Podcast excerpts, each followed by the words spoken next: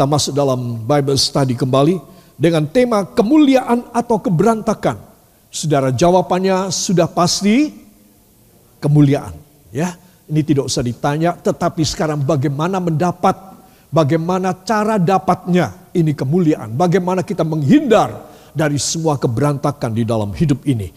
Para kekasih, itu sebab ada dua buah ayat yang saya ingin untuk kita memperhatikan bersama dari Amsal pasal yang ke-15 surat Amsal pasal 15 ayat 6 dan ayat yang ke-7 mari kita akan baca juga di rumah saudara dengan suara yang nyaring satu dua di rumah orang benar ada banyak harta benda tetapi penghasilan orang fasik membawa kerusakan. Bibir orang bijak menaburkan pengetahuan, tetapi hati orang bebal tidak jujur. Amin. Para kekasih bila kita membaca ayat ini, sudah pasti ayat ini bagus sekali. Ya saudara, ini merupakan kata-kata yang indah. Itu sebab disebutkan kitab surat Amsal. Yaitu Amsal, kita tahu dalam bahasa Indonesia, Amsal itu berarti sesuatu yang mempunyai ciri-ciri yang khas. Dia beda dengan karangan prosa. Dia setengah puitis, tetapi Amsal ini menunjukkan ke arah kebijakan, wisdom, saudara. Dan kita tahu orang yang paling wise di dunia, orang yang paling bijak bernama siapa? Salomo. Itu sebab Salomo menuliskan, saudara, dia mempunyai talenta untuk mengeluarkan kata-kata dari Allah, kata-kata bijak, dan dia menuliskannya, saudara. Nah, di sini kita melihat bahwa di rumah orang benar, kalimat inilah yang akan saya ajak untuk kita semua memperhatikannya. Ya, apakah kita orang benar dan bagaimana dengan rumah kita? Ya, mengapa kita tidak mendapatkan? Kita pikir, wah harta benda apa ya? Barangkali yang mahal-mahal, yang glitters, yang yang gemerlap dan kemilau dan mahal harganya. Mungkin itu juga termasuk. Tetapi ada hal yang istimewa yang Tuhan mau berikan dalam hidup kita semuanya. Para kekasih, marilah kita akan melihat bersama dua buah ayat ini dan saya ingin kita sekali lagi untuk membacanya dan kita mau mencoba merenungkannya ya. Amsal 15 ayat 6 dan ayat yang ketujuh. Kita mulai ayat yang ke-6. Satu, dua. Di rumah orang benar ada banyak harta benda, tetapi penghasilan orang fasik membawa kerusakan. Bibir orang bijak menaburkan pengetahuan, tetapi hati orang bebal tidak jujur. Amin. Para kekasih dan ini adalah rahasia daripada Allah bisa memberkati saya apa tidak, saudara apa tidak. Ya saudara, ini adalah rahasia kita supaya kita boleh jujur dan terbuka kepadanya sehingga kita boleh menjadi orang-orang yang satu benar, dua bijak. Katakan menjadi orang benar dan orang bijak. Menjadi orang benar itu sudah hebat. Ketambahan lagi orang bijak. Saudara, artinya mempunyai hikmat dari Tuhan. Saudara, saya tidak bisa menggambarkan kayak apa ini orang pasti berhasil. Ini orang pasti diberkati. Ini orang pasti disayang oleh Tuhan. Ya saudara, saudara bisa bayangkan coba. Orang ini benar dan orang ini bijak. Coba apa Tuhan tidak jatuh hati sama orang ini?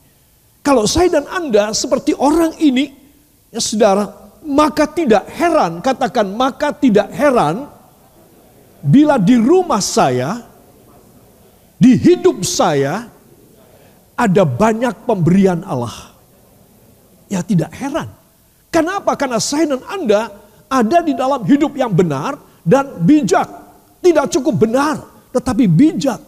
Ya, saudara. Nah inilah yang kita akan periksa bersama para kekasih. saudara, ayat yang keenam kita akan melihat lebih dahulu. Di rumah orang benar ada banyak harta benda. Ya saudara, di dalam bahasa Jawa, Alkitab bahasa Jawa, kita akan baca yang di bawah. Ya. Satu, dua. Ing omai wong bener ono rojo brono akeh. Satu, dua. Ing omai wong bener ono rojo brono akeh. Ya, rojo brono akeh. Harta benda. yang banyak, ya saudara, di rumah orang benar, ya saudara. Dalam terjemahan Alkitab bahasa Inggris katakan, in the house of the righteous there is much treasure. Di rumah orang benar ada banyak harta benda. Ya, sama ketiga-tiganya benar. Indonesia, Jawa, Inggris benar. Ya, saudara. Nah, nanti kita akan melihat di dalam bahasa Ibraninya apa maksudnya rumah ini, saudara. Dan ini adalah sesuatu hal yang penting sekali Rumah ini bukan cuma wadah, tempat rumah di mana kita berteduh saja. Tapi rumah ini juga berarti tentang rumah hati kita. Katakan rumah roh kudus. Di dalam hati saya. Saudara, namanya saja sudah bagus, rumah roh kudus. Tidakkah kamu tahu, kata firman Tuhan, Rasul Paulus menulis dalam 1 Korintus 6 ayat yang ke-19, 1 Korintus 9 ayat yang ke-6. Tidakkah kamu tahu bahwa rumahmu adalah rumah bait roh kudus. Dan kamu adalah rumah Allah. Barang siapa membinasakan rumah ini akan dibinasakan oleh Allah. Tetapi dalam bahasa lain dikatakan barang siapa menajiskan rumah ini. Rumah ini. Bukan lagi menjadi rumah yang benar. Tapi rumah yang kotor rumah yang terpolusi dengan duniawi dan dosa, maka dia akan dibinasakan. Rumahnya akan dibinasakan oleh Allah. Dan sekali lagi rumah ini bukan hanya bentuk rumah kita saja. Entah kontrakan, entah sewa, entah hak milik. Saudara, tetapi rumah ini juga katakan wadah hati saya. Keberadaan saya. Eksistensi saya di hadirat Tuhan. Jadi kita harus sangat-sangat memperhatikan tentang rumah kita. Our body, our life is just the house of the Holy Spirit. The place where God Himself will indwell and become one with us. That's why, why our body as the house of God is a place, is a place where God put the Holy Spirit And also the same place where God put also all the wealth, the treasure, all our whole life. Itu sebab kita harus memperhatikan in the house of the righteous there is much treasure. Ing omai wong bener ono rojo brono akeh. Ini sudah menjadi kaidah hukum Allah. Tidak bisa dirubah. Saudara, yang bisa merubah cuma saya, cuma saudara. Ketika saya dan saudara tidak menjadi orang yang benar dan tidak menjadi orang yang bijak. Bubar semuanya. Segala perjanjian Allah ambrol semuanya. Tidak akan berwujud di dalam hidup kita. Itu sebab anak-anak Tuhan mari kita memperhatikan pelajaran yang penting ini. Amin. Katakan saya mau jadi orang benar. Lalu satu tangan, saya mau menjadi orang bijak. Kedua-duanya semasa saya masih hidup. Amin. Terima kasih. Oleh kekasih itu sebab ini adalah hal yang penting sekali dalam hidup kita. Tetapi sebaliknya, saudara dituliskan, tetapi penghasilan orang fasik membawa kerusakan. Jadi orang fasik ini produktif juga. Punya uang, bisa dan pintar cari uang. Segala macam cara ditempuh. Halal, haram, tidak peduli, pokoknya dapat pendapatan, penghasilan, ya keuntungan. Saudara yang kekasih, tetapi penghasilan orang fasik membawa kerusakan, keberantakan. Saudara, ya. Nah, itu di dalam bahasa Jawa dituliskan ya. Kita akan baca satu dua. Nanging pituwase wong duroko iku nekaake karusakan, karusaan saudara. Nah, jadi pituwase wong duroko. Duh, coba. Jadi orang fasik itu bahasa Jawanya wong duroko. Jadi orang yang jelek banget, saudara. Ya siapa mau jadi wong duroko? Nah, di sini jelas. Itu sebab dari firman kita bisa tahu orang benar dan bijak mempunyai harta benda yang banyak. Amin. Tetapi wong duroko apa? nekaake karusaan. Nah, jadi Anda dan saya harus tahu hal ini ya. Di dalam bahasa Inggrisnya, but in the revenue of the wicked is trouble. Revenue, pendapatan, keuntungan, ya penghasilan dari orang jahat, wicked, orang jahat, is trouble. Semua macam menjadi trouble, semua trouble, trouble, trouble semuanya. Saudara kita tahu siapa mau hidup dalam troubles. Tidak ada satu orang mau. Itu sebab marilah kita mohon supaya petang hari ini ketika kita mendengar firman dan sebentar kita akan diurapi, kita akan mengurapi diri kita dengan minyak urapan. Kita memohon supaya pengurapan roh kudus masuk dalam hidup kita. Amin. Katakan bila pengurapan roh kudus mengurapi hidup saya, hidup saya mudah menjadi benar, mudah menjadi bijak. Itu berarti rumah saya mudah berkelimpahan. Yang percaya beri tepuk tangan yang baik bagi dia. Haleluya. Para kekasih, itulah tadi di dalam ayat yang keenam, ya. Eng omai wong bener, ono rojo brono akeh. Sekarang coba kita akan melihat bahasa Ibrani dari kitab Amsal ini, surat Amsal ini ya, saudara.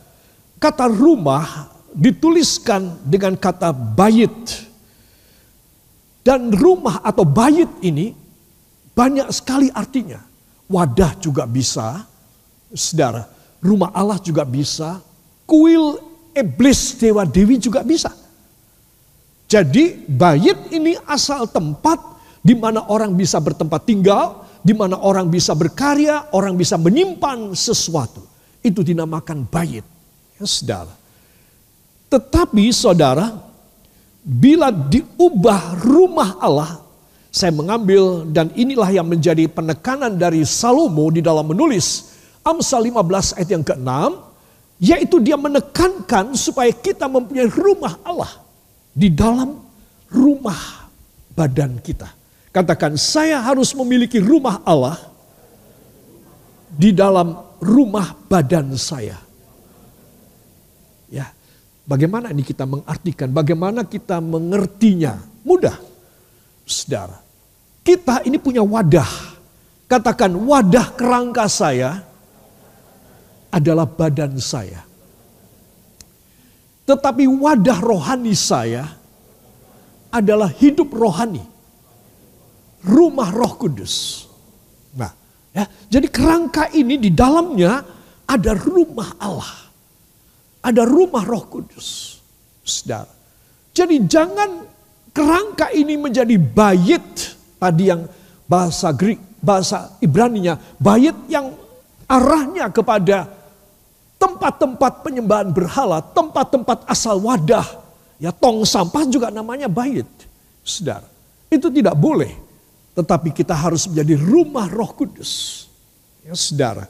Nah kita tahu dari bayit ini menjadi bait. Ya saudara, jadi di sini kita melihat bahwa segala sesuatu yang baik tidak baik akan dihancurkan oleh Tuhan. Ya, di dalam Yeremia pasal yang ke-7 ayat 11 dan ayat 14, mohon dibuka. Kita akan membacanya. Satu, dua. Sudahkah menjadi sarang penyamun di matamu?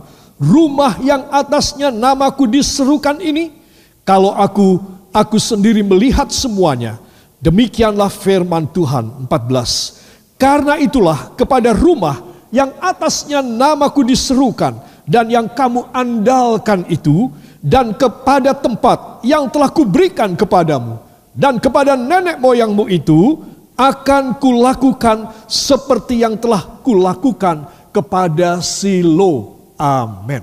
Saudara yang kekasih, apa sih yang Tuhan lakukan kepada rumah Allah di Silo? Sebelum rumah Allah dibangun di Yerusalem, rumah Allah itu dibangun di Silo. Saudara, Tuhan murka dan Tuhan bumi hanguskan. Itu bait Allah yang sudah dipakai penyembahan berhala. Ada patung-patung di sana. Semuanya dihancurkan oleh Tuhan. Itu di Silo. Bait Allah pertama itu di Silo. Saudara. Nah, kenapa sih Tuhan bahkan menghancurkan rumahnya sendiri. Tuhan tidak sudi lagi. Itu sebab Tuhan menghancurkan. Saudara. Kenapa? Karena di dalamnya umatnya tidak lagi menyembah kepada Allah Yehova yang Esa. Tetapi mulai menyembah dan membawa berhala-berhala patung-patung di dalam rumah Allah. Dan mereka mulai memberikan persembahan.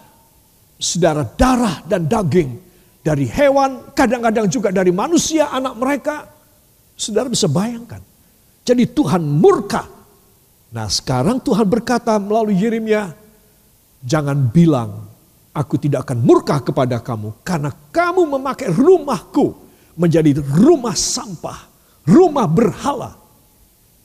Itu sebab aku akan menghancurkannya. Aku akan murka. Sama seperti aku memurkai Silo, aku akan memurkai Yerusalem. Saudara, dua rumah Allah yang kudus dimurkai oleh Allah. Apa sebab? Karena orang-orangnya dan isinya yaitu orang-orangnya hatinya tidak menjadi tempat roh Allah. Hatinya, hidup rohaninya tidak ada sama sekali.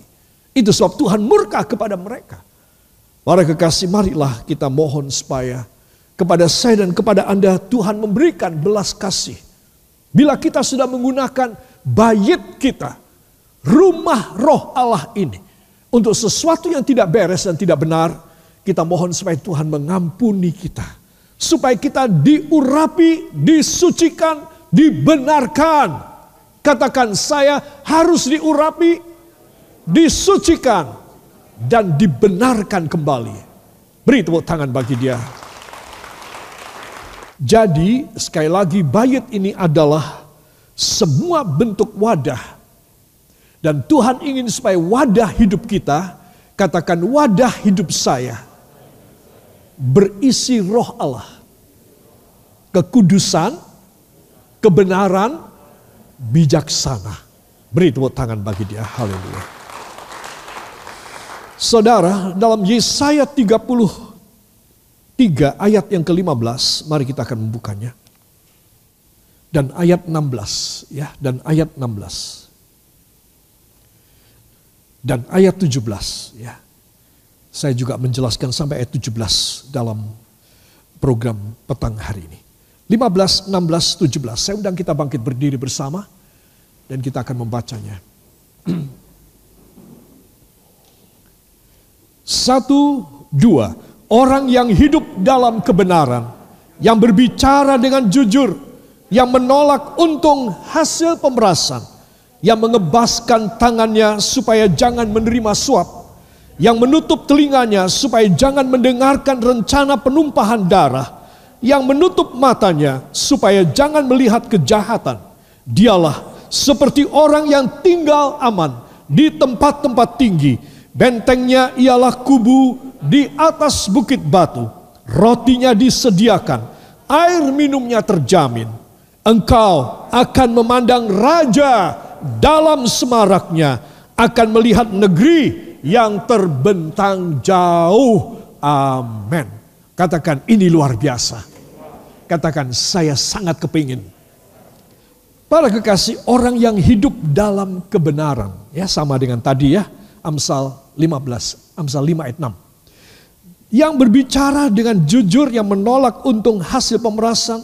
Mengebaskan tangannya jangan menerima suap. Menutup telinganya supaya jangan mendengar rencana penumpahan darah, menutup matanya supaya jangan melihat kejahatan. Saudara yang kekasih, persyaratannya kok banyak banget ya. Coba kita akan melihat empat perkara. Saudara, hindari keberantakan. Kemuliaan atau keberantakan? Kemuliaan. Ya, itu sebab kita harus menghindari hindarkan diri kita dari keberantakan dengan membuang Empat pemantik amarah Allah. Empat pemicu yang memantik kemarahan Allah. Apakah dia? Tadi kita sudah baca ayat 15. Orang yang hidup dalam kebenaran yang berbicara dengan jujur. Ya, ini. Empat hal yang membuat Tuhan marah dan murka kepada kita adalah pemerasan. Katakan pemerasan. Dua, katakan suap. Tiga, katakan rencana penumpahan darah. Empat, katakan jangan melihat kejahatan. Saudara, jadi empat inilah yang memicu, yang men-trigger Allah murka kepada kita. Kita harus membuang. Supaya kita tidak hidup di dalam keberantakan dan kerusakan. Karena rumah orang fasik berisi keberantakan. Saudara, berisi kerusakan dan kehancuran. Itu sebab kita harus jadi orang yang hidup dalam kebenaran dan yang berbicara dengan jujur. Kebenaran dan jujur. Saudara, sama dengan yang tadi. Tuhan ingin supaya Anda dan saya mengerti akan rahasia firman ini. Jadi saya tidak usah jelaskan pemerasan kayak apa, suap kayak apa. Ya saudara, kita rencana penumpahan darah seperti apa.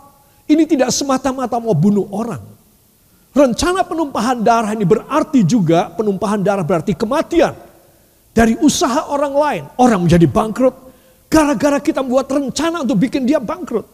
Saudara, penumpahan darah, kematian juga bisa ber, berarti kepada rumah tangga orang yang mau dirusak oleh kita. Saudara, jadi kita harus tahu bahwa rencana penumpahan darah itu tidak semata-mata membunuh orang. Mungkin kita tidak akan pernah melakukannya, bagus sekali. Tapi tidak bagus bila mana kita mempunyai rencana-rencana yang lain yang mengarah kepada kematian-kematian yang lain daripada orang-orang. Kematian ekonominya, kematian kebahagiaan, kematian kesehatan, perlindungannya, kematian masa depannya, cita-citanya, itu penumpahan darah. Jangan lupa, tidak sekedar kita membunuh orang. Saya yakin tidak ada seorang pun pembunuh di sini dan tidak akan ada. Tetapi mungkin kita menumpahkan darah dengan cara yang lain. Itu sebab kita harus minta supaya kita mempunyai hati yang penuh dengan kasih, hati yang cinta. Amin. Kemarin saya jelaskan pada Bible study minggu yang lalu ada iman, harap dan kasih. Saudara, yang tertinggi apa? Kasih. Kita tahu akan hal ini. Kita harus mempunyai kasih dalam hidup kita. Tidak peduli orang itu begitu jahat sama saudara. Sebab kalau saudara menjahatinya, dia menjahati dia kembali membalas, saudara sama dengan penumpahan darah kepada orang ini. Itu sebab kasih saja. Sudah biarin aja. Supaya Tuhan mengampuni kesalahannya. Ya Pak Gembala, tapi kesalahannya besar sekali. Bikin saya berantakan, membuat prahara dalam keluarga. No problem. It's okay. Never mind. Engkau tetap harus mengampuni. Sebab kalau engkau tidak mengampuni, orang itu dihukum sama Tuhan. Kasihan kan? Siapa tahu dia membuat ontran-ontran, dia membuat kejahatan sama kita orang. Supaya kita menjadi menjadi lebih baik. Siapa tahu? Jadi Sedikit banyak dia berjasa juga kepada kita. Makanya dia harus diampuni. Dimaafin, diampuni supaya Tuhan jangan menghukum dia. Amin. Nah itulah pelajaran kasih. Berat ya. Tapi ini kita menghindarkan diri dari rencana pembunuhan. Rencana penumpahan darah dalam bentuk yang lain. Bukan dalam bentuk darah secara fisik. Darah yang mengandung hemoglobin yang merah itu. Tidak saudara. Tetapi di sini menunjukkan tentang kasih yang harus menguasai hidup kita. Amin. Itu sebab kita harus hidup di dalam kasih. Tidak hanya iman, pengharapan, tapi juga kasih. Kalau tidak ada kasih, orang-orang yang berbuat salah kepada saudara, cilaka semua dihukum Tuhan. Kasihan kan? Kita tidak tega. Tidak apa-apa. Kamu berbuat jahat tidak apa-apa. Mungkin itu baik buat aku. Jadi aku memaafkan supaya kamu tidak dihukum. Jadi di sini kita melihat segala rencana penumpahan darah itu berarti kita harus menjaga hati kita dari membalas dendam, dari mendoakan yang jahat pada orang yang berbuat jahat. Ya, dengan demikian saya dan Anda akan menjadi orang-orang yang benar dan berbicara dengan jujur. Katakan saya harus benar dan berbicara dengan jujur. Ya, saya jelaskan yang terakhir. Jangan melihat kejahatan. Apa itu? Saudara, banyak anak-anak Tuhan, saya bilang anak-anak Tuhan jemaat gereja, suka melihat orang dalam film, dalam sandiwara atau dalam ya katakan dalam video suka melihat tembak-tembakan, pembunuhan, horor. Saya kasih tahu. Itu roh setan. Boleh saya tahu di sini? Dan di rumah siapa yang suka melihat film horor, film tembak-tembakan? Pasti orang ngaku. Anda tidak boleh. Saya bilang Anda tidak boleh. Percaya deh sama saya. Karena firman Tuhan saudara langgar. Jangan lagi melihat film yang horor. Jangan lagi melihat film yang pembunuhan. Saudara, itu membuat saudara dicengkram dengan roh penumpahan darah. Roh kejahatan dalam hidup saudara. Anak saudara akan menjadi orang jahat. Karena orang tuanya suka melihat gambar itu. Video itu. Film itu. Saya bilang tidak main-main. Saya mengkonsul orang itu ratusan. Saya kasih tahu. Orang tua yang tidak baik menghasilkan anak sangat jelek. Bagaimana orang tua bisa baik kalau orang tua seperti firman Tuhan tadi.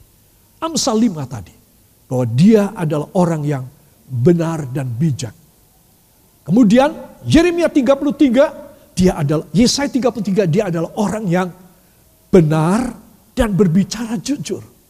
Orang yang tidak mau melihat kejahatan. Jadi mulai sekarang bertobat.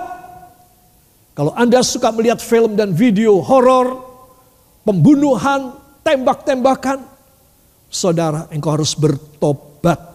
Katakan, saya harus bertobat. Lepaskan segala macam film pembunuhan dan segala macam pemandangan-pemandangan yang tidak baik dalam hidupmu. Percayalah. Sebab ini penting sekali karena ini akan mengikat orang sampai ke dalam neraka. Maka itu kita harus tahu bahwa pekerjaan iblis ini bukan hanya dalam bentuk yang yang sangat nyata menakuti saudara, tetapi dalam bentuk-bentuk yang visual. Bentuk-bentuk yang visual. Saudara, penglihatan. Melihat kejahatan, ini visual. Itu sebab anak-anak Tuhan perhatikan saudara harus menerima kekuatan untuk tidak lagi dan stop segala macam film horor, pembunuhan, dan segala pekerjaan perdukunan yang saudara tonton saben kali. Stop, berhenti. Siapa mau demikian bangkit berdiri? Angkat tangan kanan saudara ke sorga.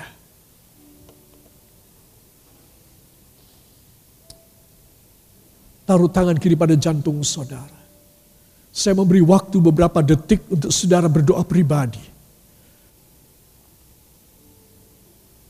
Kau menghargai bisik doa kami, tua muda, laki dan wanita. Baik di gereja panembah rumahmu ini, maupun di rumah kami masing-masing dan kapan saja firman khotbah ini ditonton oleh saudara-saudara. Engkau akan menjamah mereka juga. Haleluya. Angkat dua tangan saudara ucapkan terima kasih kepadanya. Dengan suara lebih keras, terima kasih Bapa. Terima kasih Yesus. Terima kasih Roh Kudus. Sebab itu saudara, terimalah damai dan sejahtera dan anugerah yang turun dari takhta Allah Bapa, Allah Putra, Allah Roh Kudus, Allah yang Maha Esa dan Maha Tunggal adanya di dalam nama Tuhan Yesus Kristus memberkati rumah tangga mata pencaharian, studi pelajaran sekolah, masa depan hari tua, kematian saudara. Dihargai oleh Tuhan. Tuhan menghargai juga segala pengembalian persepuluhan yang saudara kembalikan. Karena itu bukan milik saudara. Itu adalah milik Tuhan. Tuhan menghargai sesuai dengan Maleakhi 3 ayat 8 dan 10. Ibrani 7 ayat 1 sampai 10. Tuhan menerima segala pengembalian persepuluhan saudara dan memberkati saudara luar biasa. Dan semua korban persembahan saudara diberkati. Diberkati perjalanan saudara, diberkati perjuangan hidup saudara. Engkau akan tinggal di tempat-tempat yang berkubu di atas batu karang yang teguh, yaitu Yesus Kristus. Dan kemuliaan Allah menyertai engkau. Diberkatilah saudara, mulai dari saat ini hanya di dalam nama Tuhan Yesus Kristus, Juru Selamat dan Penebus kami. Dan kita semua mengaminkan. Amin.